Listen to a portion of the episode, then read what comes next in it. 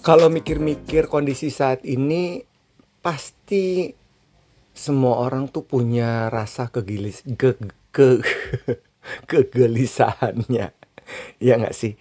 Pandemik ini bikin stres nambah, pengangguran makin tinggi, cemas bisa muncul kapan aja, bahkan frustasi.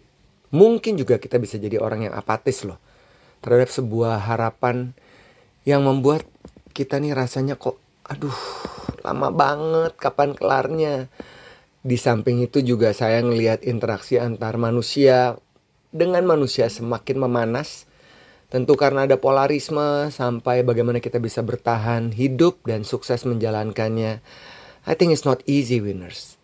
Nah walau semua ini bisa dibilang berpulang kepada pribadi atau diri setiap orang, seberapa kuat mereka menghadapi dan menjalankannya. Contoh misalnya ada orang-orang yang memang terlahir itu udah tangguh, udah kuat mentalnya, fisiknya, semangatnya. Tapi ada juga orang-orang yang terlahir lemah tapi akhirnya bisa kuat. Atau sebaliknya, lahirnya kuat terus jadi lemah. Ini gimana caranya ya? Ini saya punya satu cerita menarik. Kemarin ada seorang kerabat yang bercerita tentang kesedihannya. Ketika ia memasak, tiba-tiba masakan yang sudah dibuat ini terlepas dari tangannya dan jatuh ke lantai. Ia pun menangis seharian. Terus dia bilang ke saya, saya juga gak ngerti kenapa saya nangis. Tapi ini kayak seperti curahan perasaan saya selama ini. Dan kondisi yang dialami oleh teman saya ini mungkin juga terjadi kepada kita. Ada kalanya kita semangat, ada kalanya kita merasa sangat low. Nah kalau demikian, siapa yang bisa nolong kita? Ya cuma kita sendiri. Dan hanya dorongan dari dalam. Sesungguhnya nih, yang dapat membuat semua orang bisa bangkit dari keterpurukannya apa pun yang dialami. Tentu Anda sudah bisa membaca deh. Ini kalimat-kalimat saya selanjutnya mengarah ke mana. Ya tentu mengarah ke judul podcast hari ini ya tentang self-limiting. Atau kita memberikan batas minim akan potensi diri dan akhirnya menutup semua potensi yang ada yang akan membuat diri kita semakin hari semakin lemah. Saya sih sebenarnya nggak bukan sebenarnya saya tidak percaya bahwa umur itu umur seseorang ini berhubungan dengan semangat yang ada dalam dirinya. Walaupun banyak yang kita lihat orang-orang bertambah umur tambah lemah, tapi beberapa senior yang saya jumpai di atas 70 tahun masih kuat naik gunung, masih bersemangat. Kayak Amerika Serikat presidennya umur berapa? 73, 74. Masih kayak orang ya gitu deh ya. Saya tante saya 92 tahun ini ada di Sulawesi, masih aktif berkegiatan, masih masak, masih juga bafeto atau ngomel. Ah, mungkin itu juga yang bikin orang-orang panjang umur dan tetap semangat. Kita tuh punya loh winners hidden power yang ada dalam diri kita dan perlu dikembangkan atau dipaksa menurut saya. Setelah mengamati kenapa beberapa orang bisa tetap semangat punya api dalam hidupnya? Karena ada lima faktor. Pertama, olahraga. Dua, makannya benar. Tiga, istirahat cukup. Empat, berpikir positif. Lima, dikelilingi oleh lingkungan yang positif juga. Dan kita perlu jiwa yang kompetitif ya menurut saya ya. Jiwa yang kompetitif untuk terus bertumbuh dan tidak melimitasi kemampuan kita. Apalagi menganggap tidak mampu karena sekali lagi setiap orang punya kesempatan yang sama untuk sukses seperti apa yang mereka bayangkan, yang mereka inginkan. Dengan tidak membatasi diri and always say yes to your potential.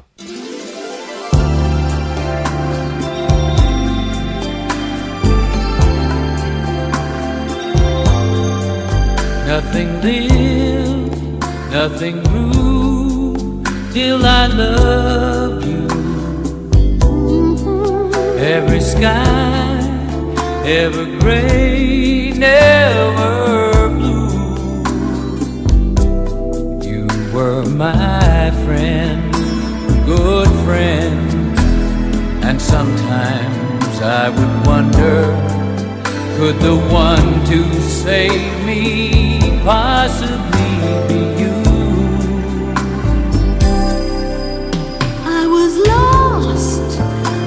blind.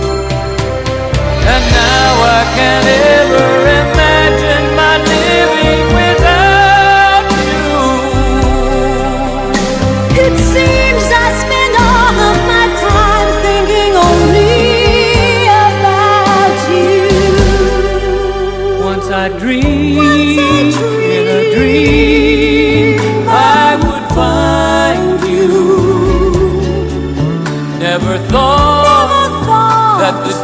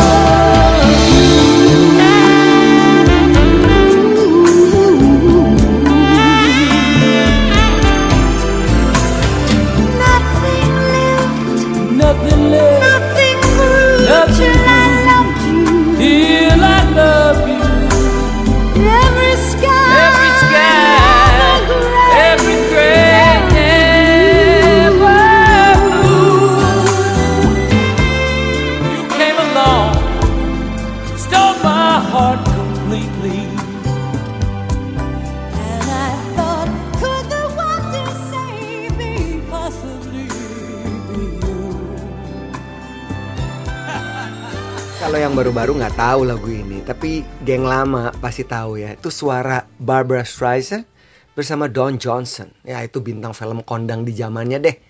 Nah kalau kita bicara soal topik hari ini tentang self efficacy, ini akan membantu Anda untuk mengembangkan semua potensi diri yang belum diasah. Seperti kata sang penemu yaitu Albert Bandura, seorang psikolog ternama.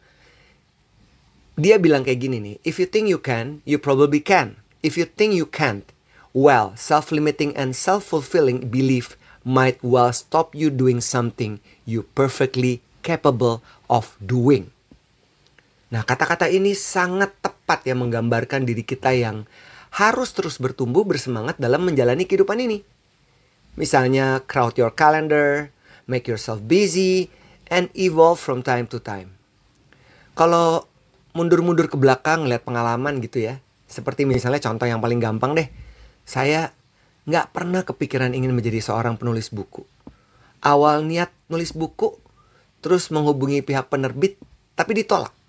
Menurut saya itu saat yang tepat buat saya memaksimalkan lagi diri saya. Dan akhirnya saya kembali ke mereka dengan persiapan yang lebih matang. Akhirnya buku pertama lahir di tahun 2008 dan seterusnya sampai sekarang. Dari pencapaian atau dari aktivitas yang terus saya lakukan sebagai menulis, sebagai penulis buku, ada beberapa penghargaan lah dan seterusnya saya dapatkan. Terus kalau ditanya saat ini udah bikin 9 buku, masih udah masih udah puas belum? Sampai detik ini enggak. Selalu ada aja hal-hal yang ingin saya maksimalkan dari potensi diri saya. Menjadi pribadi yang lebih efektif, menjadi pemimpin yang lebih baik, dan seterusnya. Nah berikut ini winners ada empat langkah yang dapat membuat kita untuk punya self efficacy. Yaitu bagaimana caranya kita terus bertumbuh, tidak melimitasi diri kita, dan percaya bahwa kita bisa melakukan itu. Nah, nomor satu adalah mastery experiences. Buatlah langkah-langkah kecil, mengasah diri tanpa henti, sehingga nanti kita akan membuat langkah-langkah yang lebih besar. Yang kedua, vicarious experience. Observasi figur-figur sukses di sekeliling Anda. Amati apa yang mereka lakukan, gimana mereka bertindak, bagaimana mereka melakukan karir mereka. Tuh cari tuh orang-orang yang hebat. Terus verbal persuasion. Tingkatkan minat baca. Ya ini sama kayak literasi ya. Mencari pengetahuan wawasan dari berbagai macam sumber dan membangun koneksi dengan semua network yang ingin kita ada di sana. Termasuk mencari mentor. Dan yang terakhir nih keren banget. State of psychology. Bagaimana Anda mengatasi rasa malas, tidak bersemangat dan lain-lain. Kalau saya nih bila saya males, pagi mesti jogging, saya tetap maksa diri untuk keluar dari rumah. Udah di jalan, pasti saya akan jogging mau nggak mau. Ini salah satu contoh ya, kita terus memaksakan diri kita untuk tetap konsisten. Dan jangan lupa amati pattern emosi yang dimiliki sehingga Anda dapat menaklukkannya. Safe to, is safe to say like push yourself to the limit and never give up. Jadi kita winners harus menjadi pribadi yang optimistik, percaya dengan potensi diri kita dan berani mengutarakannya dan menjadi pribadi dengan mental juara yang terus tidak pernah pantang menyerah tentunya dibantu dengan lingkungan yang positif akan cepat membantu dan membukakan cakrawala yang luas lagi agar hidup ini menjadi bermanfaat buat diri kita, buat orang lain, dan kita nggak sia-sia hidup di dunia yang semakin gak menentu ini.